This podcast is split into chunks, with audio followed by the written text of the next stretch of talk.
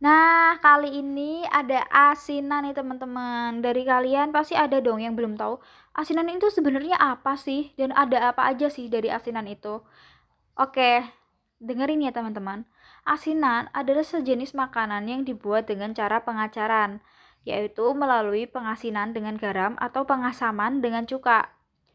Biasanya bahan yang diacarkan itu berbagai jenis sayuran dan buah-buahan nih teman-teman kalau aku sendiri sih lebih suka asinan buah-buahan ya daripada asinan sayuran karena aku kurang suka sayur teman-teman diem-diem aja ya di Indonesia itu asinan menjadi salah satu hidangan khas seni kuliner Indonesia Istilah asin mengacu kepada proses pengawetan dengan merendam buah atau sayur dalam larutan campuran air dan garam teman-teman. Bahan asinan ini sedikit mirip dengan bahan rujak. Perbedaan utamanya ad adalah bahan rujak disajikan secara segar, sedangkan bahan asinan disajikan dalam keadaan diasinkan atau diacar.